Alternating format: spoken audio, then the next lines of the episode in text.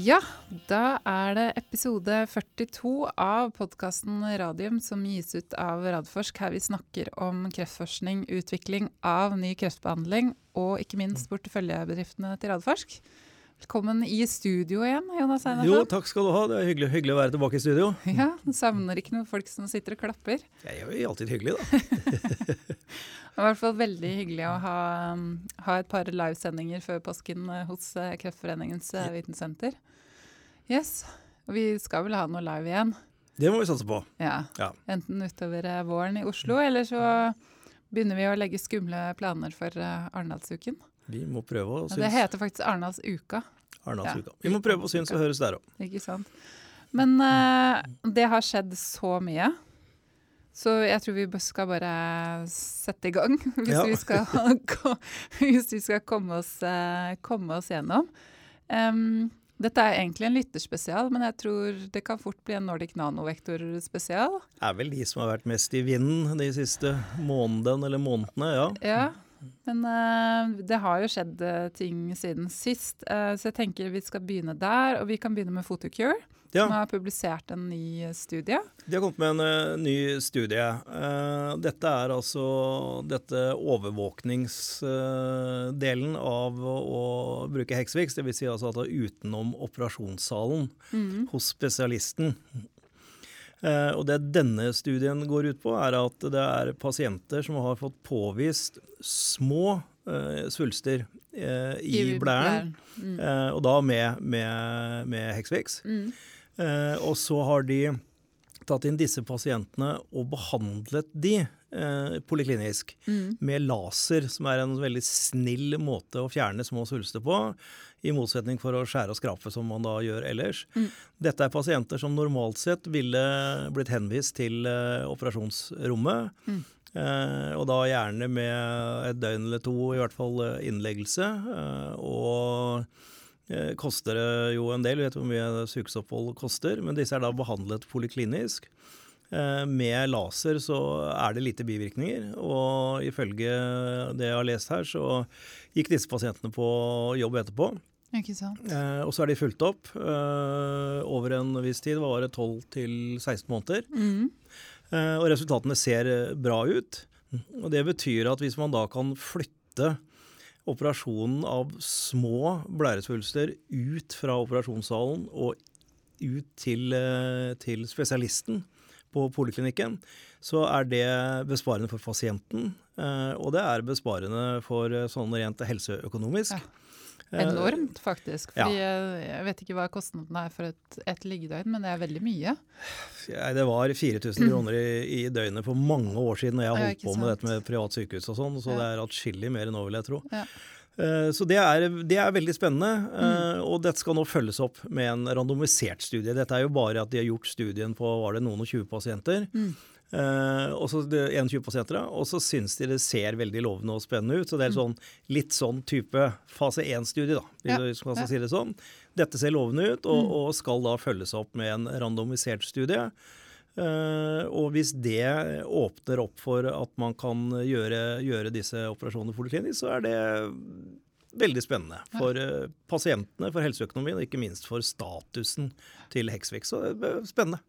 Og ikke minst fordi dette er, er jo en, en, altså en, type kreft som man kan få igjen og igjen og igjen. Ja. Så det Derfor den er en av de dyreste kreftformene å behandle. Ikke sant? Mm. Så det er sånn at uh, både det samfunnsøkonomiske, men som ikke minst sier for pasientene her, er ja. kjempeviktig. Eh, og så må vi ta dagens uh, gladsak. Og det, det kom jo helt eh, bardus på oss, eh, forsiden på VG, med Vaxibody ja. og første, ut, altså første inklusjon ja. av pasient på utprøvningen og het persontilpassa kreftvaksinen. Kjempespennende. Ja, veldig. Gått fort, og de har vært eh, kjappe til å komme i gang. Ja. Nå er det store spørsmålet om om det virker? Om det virker. Ja. Eh, det ser jo fryktelig spennende og lovende ja. ut. Da. Så eh, det, det, blir veldig spennende å følge, følge dette videre. Ja. Og, og um, forskningssjef Agnete Fredriksen og administrerende direktør Martin Bonde de kommer hit neste uke. Ja.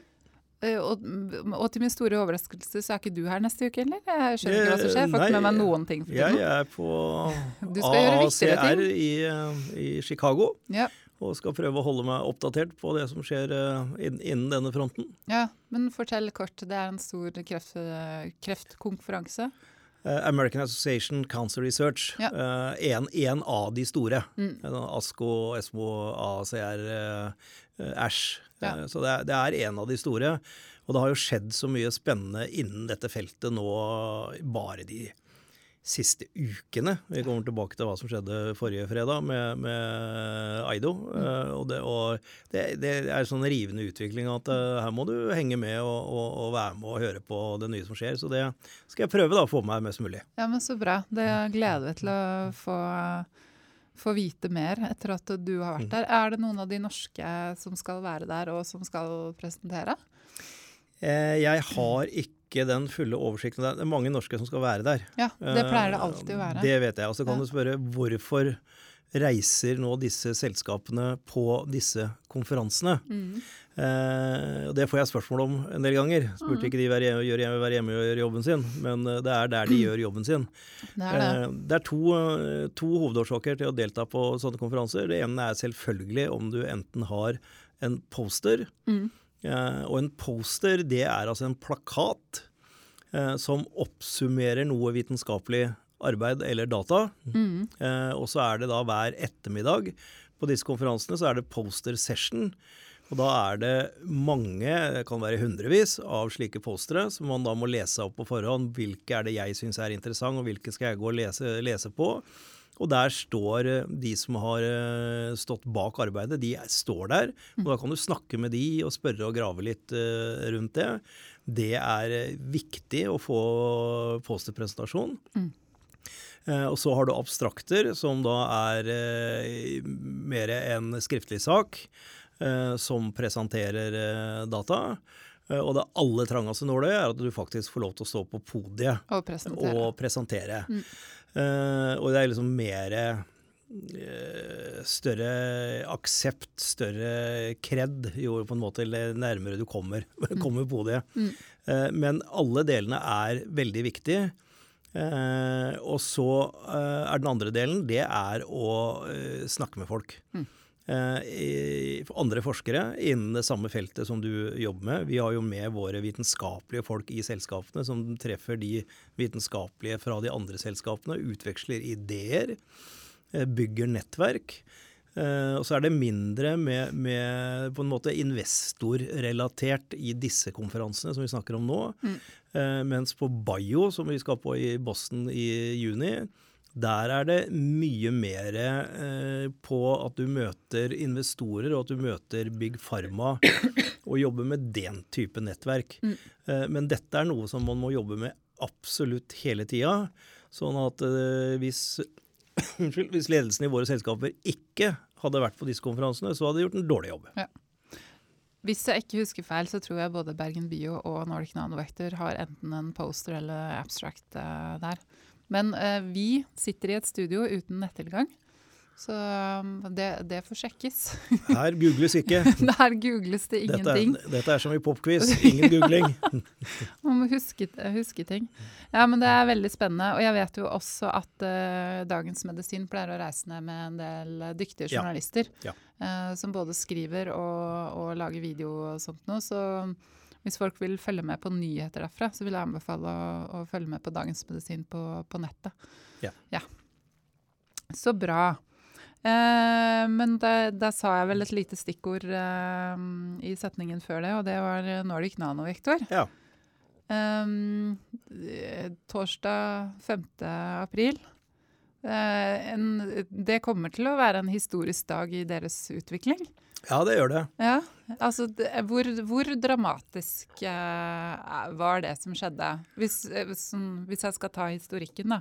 De sender ut en pressemelding veldig sent eh, onsdag mm. eh, om at de kommer til å ha en presentasjon om en oppdatering av paradigmet. Ja. Og så sender de ut en ny pressemelding om at eh, Luigi Costa, som er administrerende direktør, han går av. Ja. Uh, og du var på presentasjonen. Jeg ja. satt og så på, på webkast. Hva Nei, altså Bakgrunnshistorien her, slik jeg oppfatter den, Mm. det er at i eh, slutten av desember eh, så var det mye positivitet eh, rundt selskapet. Det skulle starte sin eh, pivotale del av studiet, altså paradigmedelen. Siste, siste studien før du kan eh, søke om markedsføringsgodkjennelse. Eh, og Luigi Costa eh, sier da at eh, de skal melde når første pasient blir eh, dosert, altså blir behandlet. Mm. Og det kommer til å skje any day. Mm. Eh, og så blir det stille Ja. fra selskapet. Og det blir helt stille. Mm. Uh, og det Og vi går hadde jo han og Jostein Dale som er forskningssjef i podkasten i slutten av januar. Ja. 22. januar, tror jeg. Ja.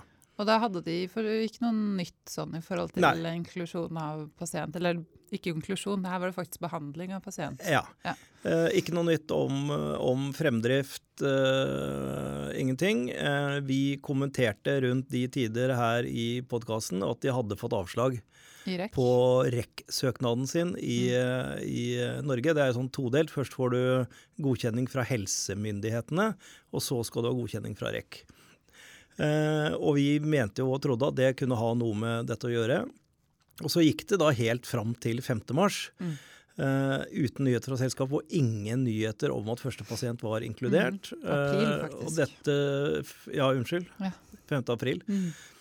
Eh, og dette førte til mye spekulasjoner i, i markedet, og usikkerhet, eh, hvilket vi også kommenterte her. Og, og det er jo svært uheldig å skape den type usikkerhet rundt eh, et sånt selskap. Og folk spekulerte i egentlig, og det jeg tenkte selv, at det er to muligheter her. Det ene er vel at det er et eller annet som har gått veldig galt. Uh, kommet noen bivirkninger, et eller annet. Du begynner å spekulere rundt det. Andre alternativer var jo selvfølgelig at de kunne være i sluttforhandlinger om en partneravtale, og derved hadde inngått en sånn uh, taushetslockup på det. Mm. Eh, selv om det ikke var så veldig sannsynlig, så var det også noe man kunne spekulere i. Mm. Eh, og så kommer da den meldingen eh, 5. april, eh, hvor eh, Luigi går av og tar ansvaret for at denne usikkerheten har oppstått, og at det er eh, oppstått en mistillit, nærmest, mellom markedet og selskapet. Mm. Eh, Og da hadde aksjekursen gått ned med to milliarder. ja, altså, fra market cap, market til- hadde gått ned med ca. to milliarder. Ja, altså fra desember til april. Ja. Omtrent halvert. Og det er klart at det er eh, i, i utgangspunktet ikke så ofte bekymringsfullt for langsiktige aksjonærer som eh, Radforsk, eh, fordi vi er vant til å se sånne dipper opp og ned. Men når det går over så lang tid, så er det klart at vi også begynner å lure om det er noe fundamentalt galt i, med selskapet. Men så kommer de da og presenterer og forklarer. Og når du skjønner forklaringen, så er det greit å forstå. Eh, Og på en måte har vi jo nå sett eh, etter dette at eh, aksjekursen har gått ikke like mye opp igjen, men kraftig opp igjen. Sånn at det har ryddet opp i en del ting. Og sånn som jeg forstår det som skjedde, var at de da hadde nærmest litt sånn i gåseøynene gamblet på at den REC-godkjenningen det var en formalitet siden alt annet var i orden. Og da ville de kunne åpne studiet her i Oslo på Radiumhospitalet. Radiumhospitalet, hvor Arne Kolstad har rekruttert en masse pasienter tidligere, og antagelig hadde pasienter nærmest klare. Selvfølgelig ikke informert pasientene om muligheten, det gjør man jo ikke før man er helt sikker, men, men så at her kunne man åpne veldig raskt. Og så kom dette avslaget fra REC som vi har kommentert her tidligere, som jeg syns er rimelig høl i huet. Eh, men da medfører at Radiumhospitalet faller ut som site inntil videre. Og det som skjedde da, var at de måtte eh, fortsette å jobbe med de andre sitene, og det gjorde de jo hele tiden. Og det de opplyste da nå, det var at statusen, eh, eller det som hadde skjedd, var som følger at i desember 2017 så hadde de fått den første godkjenningen fra helsemyndigheter. Eh, og det fulgte opp med at i januar så fikk de REC-godkjenning i et annet land. Tipper UK ut ifra det jeg har sett, men det vet vi ikke. Men, men de hadde fått det. I februar så åpnet de den første siten for rekruttering. Altså Da tar det fra du i januar får endelig rekkegodkjenning, så tar det i hvert fall en måned før siten, eller altså sykehuset, er klar til å begynne å skrine pasienter. Og dette er helt normal tid det tar. Og så begynte de da å skrine eh, pasienter i månedsskiftet februar-mars, litt ut i mars. Og, og, nå er vi på 10.-11. april. Og det vil si at det tar i hvert fall som regel en måned fra du begynner å skrine til alt er i orden. Pasienten skal signere at han eh, Vi skal finne pasienten. Mm. Skal gå gjennom inklusjon, eksklusjonskriterier, alt dette her. Så nå sier de da at den første pasienten øh, regner de med skal være behandlet i løpet av første halvår, altså i løpet av øh, mai-juni. Uh, og det ville vært en normal prosess hvis de ikke hadde gambla på mm. Norge. Hvis de hadde informert om denne tidslinjen til å begynne med, og da sagt at såpass lang tid tar det. Mm. Uh, og da vil da søknad om godkjenning bli forskjøvet et halvt år. Det ja. ville vært nyheten hvis den hadde kommet i januar-februar. Ja. Da ville folk sagt at ja, det, var, det var dumt, men that's life, sånn er bioteknologi. Det er ikke noe fundamentalt galt her uh, i det hele tatt. Og nå sier de de har åpna i åtte land. Uh, jeg mener det er ni nå. Eh, jeg mener Irland har kommet på i tillegg, mm. uten at jeg har helt dokumentert det, eh, men jeg tror jeg har sett det. Eh, og at de da er i gang med, med mange sites. Sånn at det er ikke noe fundamentalt galt. Det er ikke kommet noen negative nyheter. Det er dette at de gambla på dette med Norge, mm. og så gikk ikke det. Fair enough. Da må du si det. Mm. Så det som er å kritisere Nordic Nanovect er fra den slutten av desember, når de visste dette, da visste de egentlig at de At ting kom til å ta mye noe, lengre tid? Det var ikke noe quick fix. Nei. Dette kom til å ta litt tid. Ja. Hvis jeg hadde sagt ifra det med en gang, mm. så ville dette her ikke skapt denne voldsomme uroen i, mm. i markedet. Men, men, jeg, men er, kan, kan, det være sånn at de har tenkt at hvis de får nei i Norge, og Norge på en måte er det landet hvor de Eh, altså hvor de, er, eh, hvor de er oppstått, da, altså fra forskere på, på Radiumhospitalet og, og, Universitetet i Oslo, at, at, det at Norge sier nei, at det kunne vært negativt i forhold til de andre sitene, eller fungerer det ikke sånn? Nei, det fungerer overhodet ikke sånn, og det ser du også. De, de fikk jo den første rekkegodkjenningen allerede i januar i et annet land. Eh, så sånn ser ikke landa på i det hele tatt. Og, og, det var ikke sånn at REC sa nei til studien. Nei. Det de sa nei til, var seamless, seamless design, seamless design mm. som Lisa forklarte veldig godt på denne presentasjonen. At det, det betyr Punkt én, ikke at det er noen pasienter fra Limerick-studien som blir med inn i paradigmet. Mm. Har, selv jeg har lurt litt på det tidligere. Ja, for det har vært litt sånn uklar ja. kommunikasjon rundt dette. Kan ikke du bare forklare det, sånn at uh, vi får det med oss jo, eh, altså, alle, Slik jeg forstår seamless design, mm. så betyr det at når du har fått en del resultater. Denne Limerick-studien er jo ikke gjort opp ennå, men du har en god del resultater. Mm. Så kan du gå til myndighetene og si at dette ser så lovende ut at istedenfor å nå stoppe og vente på alle data, ferdig oppfølging fra Limerick-studien, eh, så får vi lov til å fortsette studien med andre forutsetninger, men den regnes som den samme studien. Mm. Sånn at man da sparer inn 69 måneder. Ja.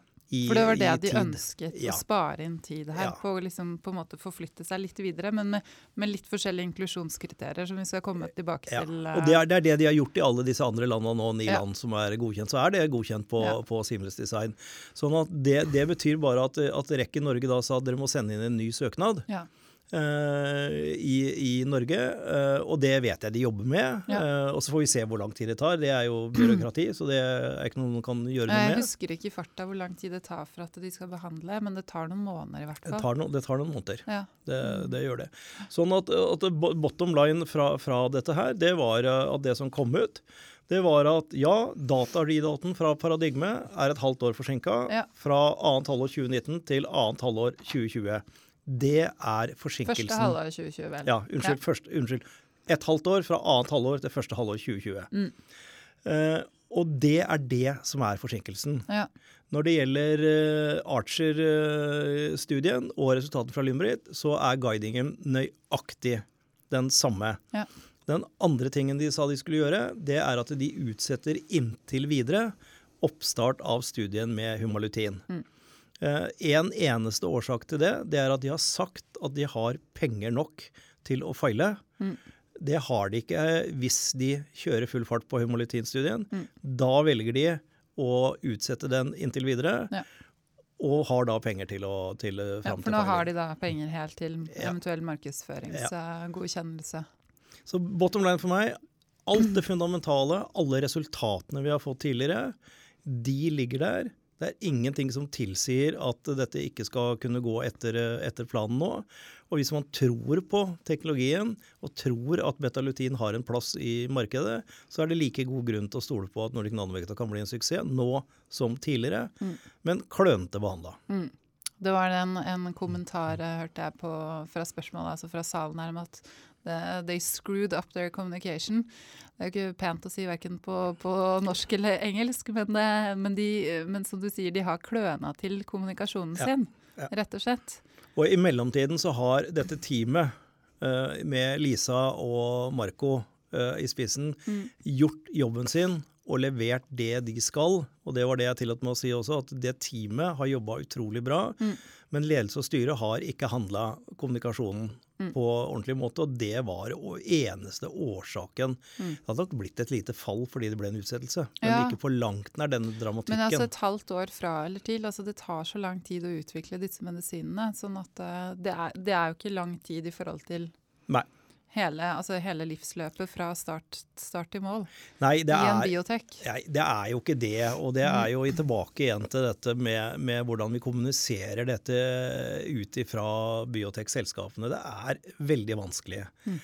Investorene vil selvfølgelig vite når får vi vite noe neste gang, og det skulle bare mangle når de har mm. investert pengene sine i dette her. Men så sier vi da at ja, da, da regner vi med at det blir eh, annet halvår 2018. Eh, og Det vil si at det blir litt sånn panikk rundt 20.12., ja. og du risikerer et stort kursfall eh, fordi det ikke kommer allikevel. Mm. Og så kommer i 22.1. Ja, ikke sant, så justerer det seg. Så, så, så vi, vi, må jobbe med dette med, med kommunikasjon, ja. og vi må få fram at dette er best guess. Og det vi må melde fra om, og som er viktig, det er hvis det skjer noe fundamentalt. Hvis det mm. kommer bivirkninger vi ikke hadde regna med. Eh, hvis det er andre ting, det kommer en konkurrent inn som vi ikke hadde sett komme. Den type ting som forandrer det fundamentale og muligheten for at produktet kommer på markedet. Og så kan du si ja, et halvt års utsettelse betyr et halvt års mindre patenttid. Mm. Eh, men, men, men, det er ikke der gevinsten ligger for investor. Den ligger i at dette virkelig kommer på markedet. Eh, så, så det, jeg, jeg, tror det er viktig også se dette, hvordan vi jobber med å utvikle disse legemidlene. Eh, og så må selskapene bli flinkere på kommunikasjon. På kommunikasjon ja. Uten tvil. Må, det, det, er lesson learned. Eh, eh, og vi har hatt uttalelser tidligere i andre selskaper som, som har blitt oppfatta feil. Og, vi må vite at det er mange mennesker, både store, langsiktige investorer, men også folk som hjelper oss med å putte sparepengene sine inn i selskapene våre, som fortjener uh, vår respekt, og at vi er veldig nøye på kommunikasjonen. Men mm. det er fryktelig vanskelig. Ja, det er, altså, det er, vanskelig felt, og det er vanskelig å si noe nøyaktig om tidslinjer. Ja. Men, men, det at man da kan si at dette vet vi ikke, og dette er det usikkerhet om, og så forklare hvorfor det er. Altså Dess mer, dess mer nøyaktig man kommuniserer, dess bedre er det jo. Det er jeg helt enig i, eh, og må også vite at når vi eh, planlegger eh, et klinisk løp for disse selskapene, så planlegger vi for mange år fremover. Ja og så skjer det ting mm. uh, i markedet. Eh, la oss si at vi har en studie, eh, en kombinasjonsstudie med et etablert medikament som er standard care, og så vårt nye medikament. Og så har vi laga den studien og sagt at den tar så lang tid og koster så mye penger. Mm. det vi kanskje ikke visste, var at mens vi kjører den studien, så kommer det en annen type kombinasjon eller noe nytt inn, sånn at standard of care forandrer seg. Da må vi legge til en ny arm, som er den nye standard of care pluss vårt medikament, og det forandrer hele bildet igjen. Eh, men, men det, det, skal vi gjøre, og, og, det skal vi på en måte vite mulighetene for. sånn at vi, vi skal, Må legge noen marginer? Ja, det, ja legge inn marginer. Og mm. et, et, forutseende selskap vil også ha lagt inn i protokollen muligheten for det. Mm. Sånn at studien ikke stopper opp, men den, den bare fortsetter videre med kanskje en, en, ny arm. Dette er dynamisk. Ja. Verden vi lever i er jo også det, og dynamisk og relativ. Ja. Um, jeg veit at du skal videre på et styremøte, og tida går. Men, men jeg, må, jeg, må, spørre, for det er sikkert mange som lurer på, selv om vi ikke har fått til spørsmål direkte på det. Altså, altså hvor, hvor, dramatisk er det at Luigi går? Altså, i, i, Norge, altså Politisk i Norge så har man jo litt sånn presedens for at man sitter ved å ta ansvar. ikke sant? Her, her, går han, og, og, sier selv at han tar ansvar, og tar ja. ansvar for den. Altså Mistilliten var vel det altså, ja. Distrust var vel det ordet han også og brukte. Det er ikke dramatisk for selskapet i det hele tatt. Uh, Luigi har i mine øyne gjort en kanonjobb med å bygge opp et fantastisk godt team. Mm. Uh, og også opptreden til uh, nye IR-direktøren. Eh, ja, Marlena, Marlene, som jeg ikke husker navnet på i, i farta. Som også da blir altså, en kommunikasjonsdirektør. Kommunikasjonsdirektør ja. var solid, eh, og hun da legger frem hvordan selskapet nå skal kommunisere kommunikasjonsstrategien. kommunikasjonsstrategien. Og det har hun gjort siden hun begynte å jobbe der i um, februar, februar fram til mm. april. Uh, så jeg syns hun har gjort en veldig god jobb på det. Uh, Lisa gjorde en fantastisk god jobb. Marco vet vi jo er veldig dyktig. Så det å rekruttere inn dette teamet, få alt dette på plass altså mm. Det rulles ut nå i alle, Veldig kort tid. På veldig, veldig kort tid. Han har vært der to-tre to, to, år? Ja, tre år. Tre år. Eh, så, så, på alt det har Luigi gjort uh, veldig bra. Det han bomma på, jeg vet ikke om det er litt kulturforskjeller uh, eller andre ting som gjorde at han, han bomma på kommunikasjonen i, i, forhold til norske investorer. Uh, og det retter du ikke opp sånn uten videre. Og i, i denne verden som vi er, er, i der, da er det CEO-en som går. Ja. Det er helt naturlig. Ja, For da blir det et tillitsspørsmål, og det er han som mm. har ansvaret. Ja, ja skjønner. Uh, og det sa vel også styreleder, at de er på jakt etter en, eh, etter en ny eh, CEO. Ja. ja. Og jobber med det. Ja. Vil man da anta at det er en type internasjonal kapasitet av Luigis merke? Som, har liksom, altså, som er ekstern med et stort internasjonalt nettverk? Jeg, jeg, vil tro det. Mm. Her er det jo partneravtaler eh, og andre ting som blir kjempeviktige. Det kliniske går nå på skinner. Ja. Sånn at CEO-ens viktigste jobb her blir punkt én å lede organisasjonen, men punkt to å jobbe internasjonalt og eksternt mot uh, andre Big Pharma, ikke minst. Så ja. jeg ville tippe det. Ja. Um, da tror jeg vi kan gå over um, til spørsmålene. Og vi hadde jo sagt at vi skulle ha lytterspesial uh, før, uh, før, dette med Nordic skjedde, så vi har fått en del spørsmål om det. Men, uh, men, jeg tenker sånn, de er ikke uinteressante å ta med kort om de. Fordi sånn som en spør, er um, Hvorfor, det, hvorfor falt aksjekursen så dramatisk for, for Nordic? så skriver hun han eller hun altså, Har det kommet noen negative meldinger jeg ikke har fått med meg? Og det er jo sånn altså, hvor, ja. hvorfor, eh, hvorfor, tolker man det så negativt i markedet? Ja. Jo, men sånn i forhold til Man kunne som du sier, man kunne tolka det positivt i forhold til at det var noe som skjedde som de ja. da ikke kunne gått ut med fordi altså, ting var under forhandlinger. Eh, og en annen også påpeker det at det har vært veldig mye negative spekulasjoner på ulike forum Um, og også, men også da lure litt på hvorfor har ikke, har ikke selskapet vært ute på en måte og, og, og, sagt noe om det, uten at man da hadde lekket børssensitiv informasjon. da. Så det er sånn to forskjellige der. Hvorfor så negativ tolkning av, av folk? og Jeg tror det er uh, usikkerhet. Uh, ja. Og og med en gang det er usikkerhet, så er det negativt? Ja, usikkerhet skaper frykt. Mm. Eh, spesielt når det gjelder lommeboka di. Ja. Eh, helt forståelig. Mm. Eh, sånn at, og informasjonsvakuum er vel det som er mest utløsende for, for usikkerhet og frykt. Og det gir jo også et fritt spillerom for alle som vil spekulere i alt som kan ha gått galt. Ja. Så det er jo et sånn eh, De kaller det for hausere og bæsjere. Så det er liksom Bæsjernes eldorado er jo et uh, informasjonsvakuum. Så de fikk jo en boltreplass av de, av de store. Eh, og det er klart folk blir usikre. Jeg har uh, folk jeg kjenner, og, og ikke minst hele investormiljøet. Jeg mm, hadde mange, mange henvendelser i den perioden. Eh, og til slutt så måtte jeg på en måte si at jeg vet ikke, jeg heller. Nei, nei. Eh, og da, da, da, da sprer usikkerheten seg.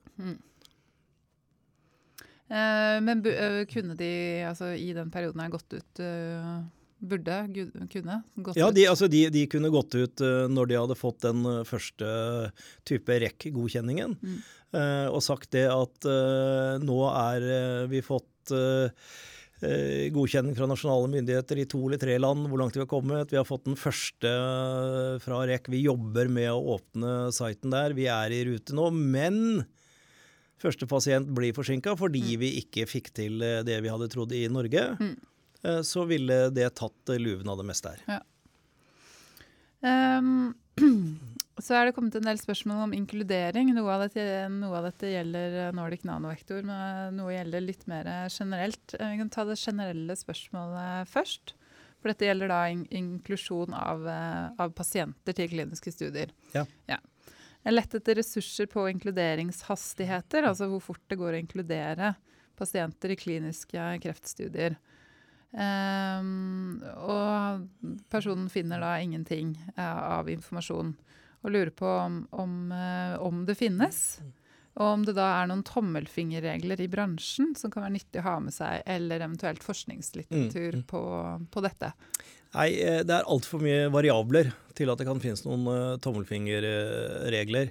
Når vi prøver å vurdere inklusjonshastigheten Mhm. på en site eller på et sykehus, så snakker vi med de som jobber der, så ser vi på hvor mange pasienter har dere i måneden, i året, med denne diagnosen, som kan, som kan komme til å falle inn under inklusjonskriteriene.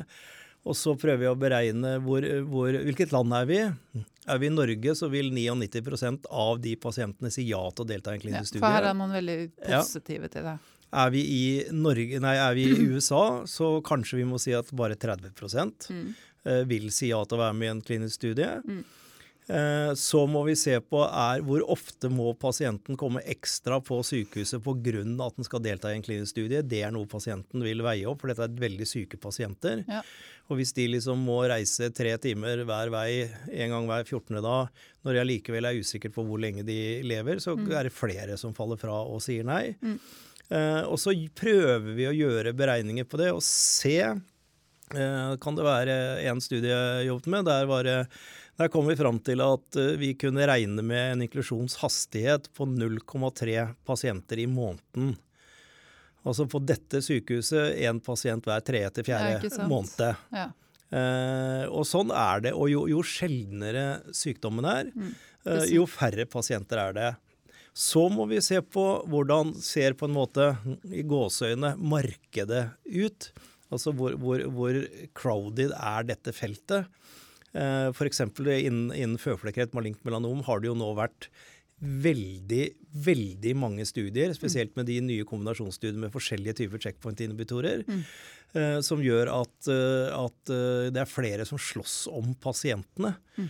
Eh, og så må vi se på dette sykehuset, hvor mange andre studier har dere som konkurrerer med vår studie. Mm. Eh, og er det flere PR, altså Principal Investigator, som slåss om disse pasientene? Det er utrolig mye. da blir det mye. positiv konkurranse. Da blir det positiv konkurranse. Så, så det er veldig veldig mye som skal eh, beregnes der. Så, så noen tommelfingerregel, det gjør det ikke, altså. Nei. Og det fins heller ikke noe forskning på det, altså noen metastudier som er blitt gjort på det. Det kan godt være. Ikke som jeg vet om. Nei, det er kanskje ikke det første man tenker på at man Nei. skal forske, forske på. Um, og da, da et annet spørsmål om, om uh, inklusjon. Det, det går jo da på Nordic Nanovektor. Um, om vi kan si litt om forskjellene på inklusjonskriteriene fra da fase 1-2 og paradigme. Fase 1-2 det er det du kaller limrit? ikke Det er sant? ja. ja. ja. Ja, der er det forskjeller i, i inklusjon. Ja, Det er forskjell i inklusjon. Ja. De, de har strammet inn inklusjonskriteriene når det gjelder eh, diagnosen. Mm. Eh, det var jo non-Hodging-lymfom på Limerick, dvs. Si at det er mantelcell og, og andre typer. Det er en del undergrupper der som er litt sånn spesifikke. Ja, ja. ja. Men der tok de alle som var innenfor hovedgruppen. da. Ja. Mens nå er det folikulært lymfom, Mm. eh, tredje linje, Mm. eh, som skal behandles. Mm. Eh, og så mener jeg at jeg har gjort noen endringer i inklusjonskriteriene vedrørende alder også, men der er jeg litt mer på gyngende grunn. Men, Ja. men, men svaret er ja, det er forskjellige inklusjonskriterier. Mm. Eh, og annet det at det er strammet inn på indikasjonen, gjør at inklusjonen også går noe saktere Ja. enn, den ville, enn den gjorde tidligere. Og det er jo også det de sier, at de har tatt inn over seg at, eh, at inklusjonen tar lengre tid enn det de trodde. Ja, fordi da må man på en måte gå inn og diagnostisere på undergrupper, eller gjøres det allerede? Nei, det, det gjøres, du, du vet det når pasienten kommer, hvil, ja. hvilken undergruppe den har. Så det er ikke noe du må bruke tid på det. Det, det vet du. Nei, men det er mer det at det er Ja. færre som har, eh, Ja. har den diagnosen. Uh, og det er oppfølgingsspørsmålet om det er vanlig at inklusjonskriteriene er forskjellige. Det er det fordi når vi gjør eh, de første studiene, så er det for å lære. Mm. Eh, og vi ser eh, den aldersgruppen eh, responderer bedre enn den andre. Er det noen grunn til det, så går vi inn og analyserer dataene og ser om det kan noe med det å gjøre. Vi ser på undergrupper av diagnosen. Er det noen som skiller seg ut som er bedre eller dårligere? Vi kan se på biomarkører og si at de som har uttrykt PDL-en, mm. andre ting, de responderer kanskje bedre enn andre. Og så prøver vi å sette sammen et mest mulig robust inklusjonskriterier, sånn at pasientene er mest mulig like, og ikke minst når vi kjører randomisert studie, sånn at det er lettest å sammenligne Det er virkelig å sammenligne epler og epler. Ja, Og ikke, epler, og ikke epler og pærer. Mm. uh, og det gjør at dataene blir mer robuste, og du trenger forhåpentligvis færre pasienter for å nå den signifikansen, den P-verdien du ønsker. Mm. Så dette er også helt dynamisk utvikling og helt normalt å gjøre. Mm. Ja, for det er fordi man erverver seg mer kunnskap, rett og slett. ja. Om, om både pasientene og den medisinen som du tester ut pasientene pasientene på. Mm. Um, har vi noen eh, avsluttende bemerkninger om eh, Nordic Nanovektor? For nå har vi ikke noen flere spørsmål om de, eller? Ja, altså, Radforsk er, eh, stå, står fast ved at eh, vi mener at dette her er en eh, utrolig spennende prosjekt. En god medisin som, hvis de klarer å reprodusere de dataene vi har sett hittil i, eh, i denne pivotale studien, så har jeg fortsatt stor tro på at betalutin kommer til å hjelpe mange pasienter fremover. Da er det PCI Biotech som vi har fått inn et uh, spørsmål på. Og der også er det med spørsmål i forhold til at de har gått uh, ned på børs etter at de la fram eh, kvartalsrapporten sin 20.3. Eh, og så skriver da um, han hun at den eneste dårlige nyheten var at rekrutteringen til den forlengelsesstudien på Fimakem hadde tatt litt lengre tid enn antatt. Eh, og så sier vedkommende også at eh, dette her har egentlig ikke noe betydning, å spørre om på en måte bekreftelse eller avkreftelse på det.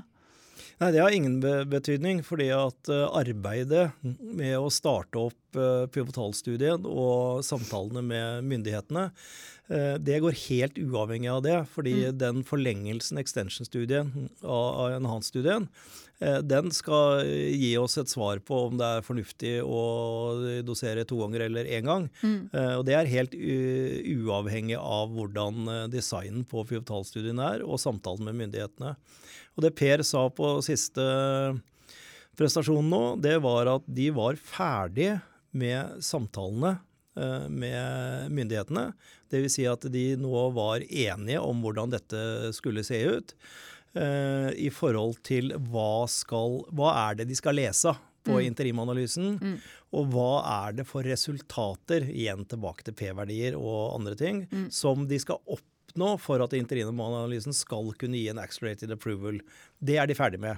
Så er det en kjempejobb som må gjøres. Og da er det statistikerne som kommer inn og skal begynne å beregne. og Er det, er det, an, er det antall uh, pasienter som får respons, eller er det antall tumorer som følges opp? Skal man plukke tre-fire tumorer i hver pasient å følge, eller skal man ha flere? Hvordan vekter man det i forhold til uh, den randomiserte gruppen? Altså Dette er en, en svær jobb å gjøre, og den gjør de nå. Og så fort den er ferdig, så er de klare til å, å sette i gang.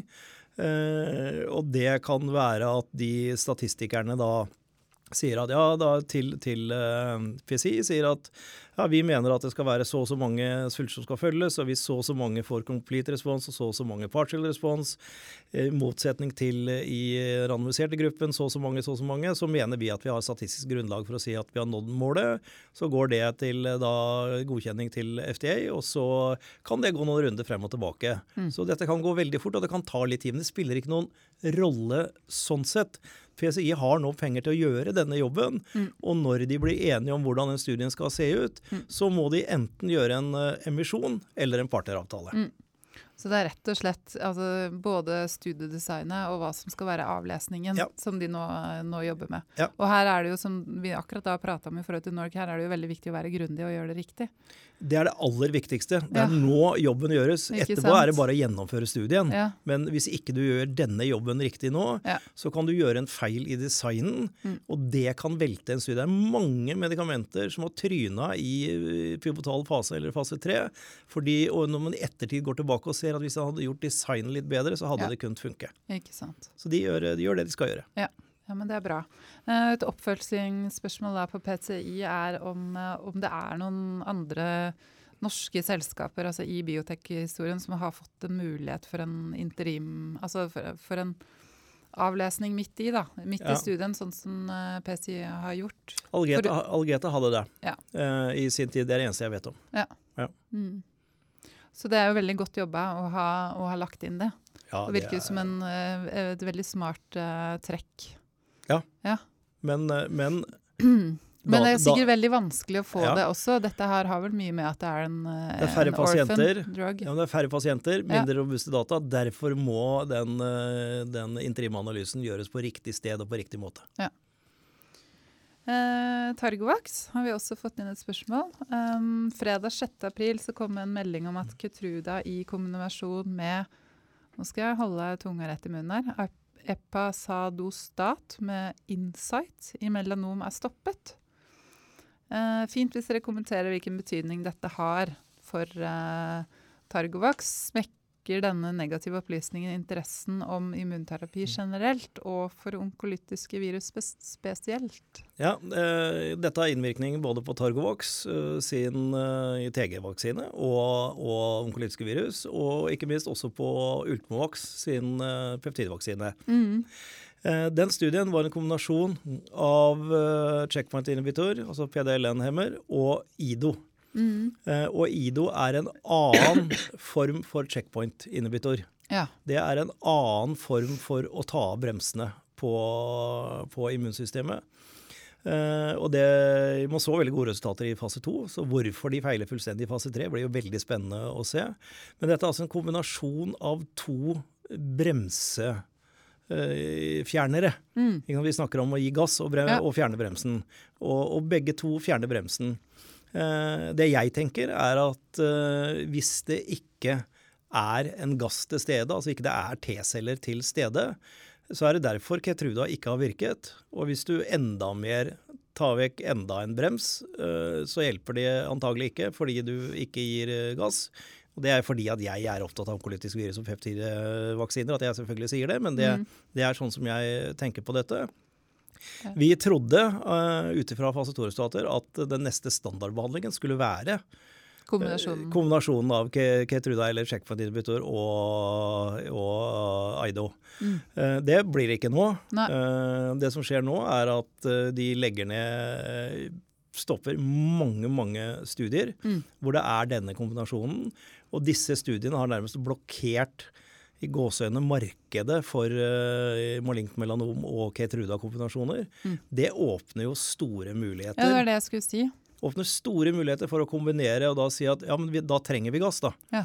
Og gassen kan enten være en peptidvaksine som TG01 eller UV1 og sultenvaks, Mm. eller gassen kan være et onkolytisk virus. For det er Så- dette du har snakket om tidligere, ikke sant? Jo. i forhold til det å gjøre kalde svulster varme. Ja, Så eh, hvis svulsten er kalde, så Mm. mener jeg og tror at det hjelper ikke hvor mye enn bremser du fjerner, hvis ikke du gir gass. Men hvis du gir gass på kalde tumorer, Mm. og det, eh, kombinerer med, med Keytruda eller lignende, så tror jeg at vi får de gode resultatene. Så i, i mine øyne så åpner dette store muligheter både for Targomax og Ultimax. Ja, og heller kanskje bekrefter en hypotese som forskningsmiljøet her uh, har hatt. En Hint, hinter mot at det kan være riktig. Så Ja. Jeg kan ikke si bekrefter, Nei, men, men det hinter. hinter mot at det kan være riktig. hinter er, er et bra. um, og oppfølgingsspørsmålet da er jo at eh, er om det fremdeles er grunn til å tro at Big Pharma er interessert i å kjøpe eller inngå partnerskap med selskapet som forsker på onkolytiske virus. Eh, onkolytisk virus er ikke blitt noe mindre hot etter dette, kanskje tvert imot. Ja. Så da er det bare å følge med. Vi har fått inn et siste spørsmål som vi har altfor lite tid til. Så spørs om ikke vi må ta det opp eh, en annen gang også. Men, men vi, kan, vi kan si litt generelt om det. For det spørsmålet er, det virker for meg som at Norge er inne i en spirende gullalder innen biotek og, og profitabel kreftforskning. Eh, når disse selskapene vokser seg store nok og vaksinen teknologien blir god nok, selges disse selskapene ofte ut til gigantene i god tradisjon. Hvorfor er ikke staten mer på banen og samler disse nyvinningene i et gigantisk norsk selskap? Norge har både kompetansen og ressursene til å gro en solid internasjonal aktør innen helsenæringen. Ja, jeg har flere svar på det. Nå har vi veldig dårlig tid nå. Vi kan ta det opp senere. Men uh, punkt én uh, For det man etterlyser her, er jo et norsk Statoil, Ja. på en måte. ja. Ja. Norsk Norsk Health Oil, eller eh, Norsk ja. Health Oil. Helt, ja. Eh, Jeg er ikke enig i at vi har noen tradisjon i å selge ut selskapene. I Nei. de 18 årene jeg har vært med her, så har vi solgt, eh, har vi, er ett selskap blitt solgt, og det var Algeta, som ble kjøpt av Bayer. Som Mm. har doblet eh, antall ansatte, pluss laget fabrikk på Kjeller og har 120 mennesker ansatt der. Eh, Så det er ikke noe dårlig. Nei. Eh, Det er mange gode norske selskaper som har utenlandske eiere, Mm. eh, uten at det er noe problem. Men det er klart faren er der for det. Og jeg er alltid ivret for at vi skal bygge en helsenæring basert på dette i Norge. Jeg tror at man like gjerne kan si at det er ansvaret ligger hos norske store investorer. Mm. At de får sørge for å ha så store eierandeler og være så langsiktige Mm. eh, at de beholder kontrollen selv eh, på disse selskapene. Jeg, er ikke noe, jeg var, var nok litt mer radikal i min ungdom, men det er ikke noe sånn uttrykt at jeg ønsker statlig eierskap i, i alt det vi driver med nå. Jeg vil heller at staten skal være mer aktiv i de tidligere fasene, hvor vi, hvor vi trenger risiko. den, ta, å være med å ta, ta risiko. Mm. Eh, og hvis man da altså Vi har bygd eh, mange industrier i Norge på at eh, norske investorer og penger har sett muligheten for å konsolidere. Mm. Eh, og det er ikke noe veien for at store norske investorer slår seg sammen og sier at eh, her er det masse synergieffekter med å ta alle disse småselskapene og i hvert fall ta noen av de og konsolidere og slå sammen og bygge sterkere enheter. Mm. Eh, det ville vært fint. Mm. Eh, Men eh, jeg vil peke på, på eh, norske kapitalinvestorer fremfor å peke på at staten skal komme inn og gjøre dette. Men, men hvis du ser litt tilbake de siste årene, så har det jo aldri vært noe problem å få inn kapital i, i selskapene? Jo. Har det det? Ja, det I, har, når man har gjort større emisjoner? Ja, men da tenker jeg litt mer sånn når du har kommet litt uti. Det er jo flere emisjoner som har vært overtegna. ja da, altså det, dette er jo snudd veldig. Ja. Nå Eh, tenker jeg liksom sånn to-tre to, år tilbake. Ja, To-tre år tilbake så har, har mm. norske investormarkedet vært svært villig til Mm. å backe selskapene våre. og eh, det er ingen tvil om at det finnes mer enn nok av penger, men jeg skjønner jo også at folk som har investert i eiendom og olje og gass og, og laks, uh, syns dette har vært komplisert og vanskelig og stor risiko. Men Mm. uh, ser jo virkelig en gryende interesse blant norske investorer for å være med på, på Mm. dette eventyret. Mm. Jeg holdt på å si det, det får være det siste der. Men vi vet jo også at, at uh, regjeringa jobber med en, en, helse, altså en stortingsmelding på, på helsenæring. Ja. Og det med kapitaltilgang der, som du sier, spesielt i tidlig fase, er jo noe de virkelig burde se på for å være med å, å bygge en, en næring Ja. her. Tidligfasekapital, tilgang på det. Eh, opsjonsbeskatning, Ja. formuebeskatning. Det er my mye som kan gjøres. Eh, for de gir jo mye penger til forskning. Ja, Ja. veldig mye. Men det er jo det å få, få ut det potensialet. Um, jeg tror, eh, tror vi skal si at uh, det var det. Neste uke så uh, må du ha det veldig fint og lære veldig mye i uh, Chicago. Takk for det. Ja. Du, hvis Altså- du har Ag- Agnete på besøk, så er det ikke noe problem å ha noen til å snakke. Så det Nei, og, og. Martin, Og Martin Bonde. Nei, så det, det spørs om noen hører meg pipe noen spørsmål innimellom. Men det kommer til å gå helt fint. det, det, det er ikke så farlig. Det er viktigst at de får sagt eh, det de skal si. Men da sier vi på, på gjenhør neste uke.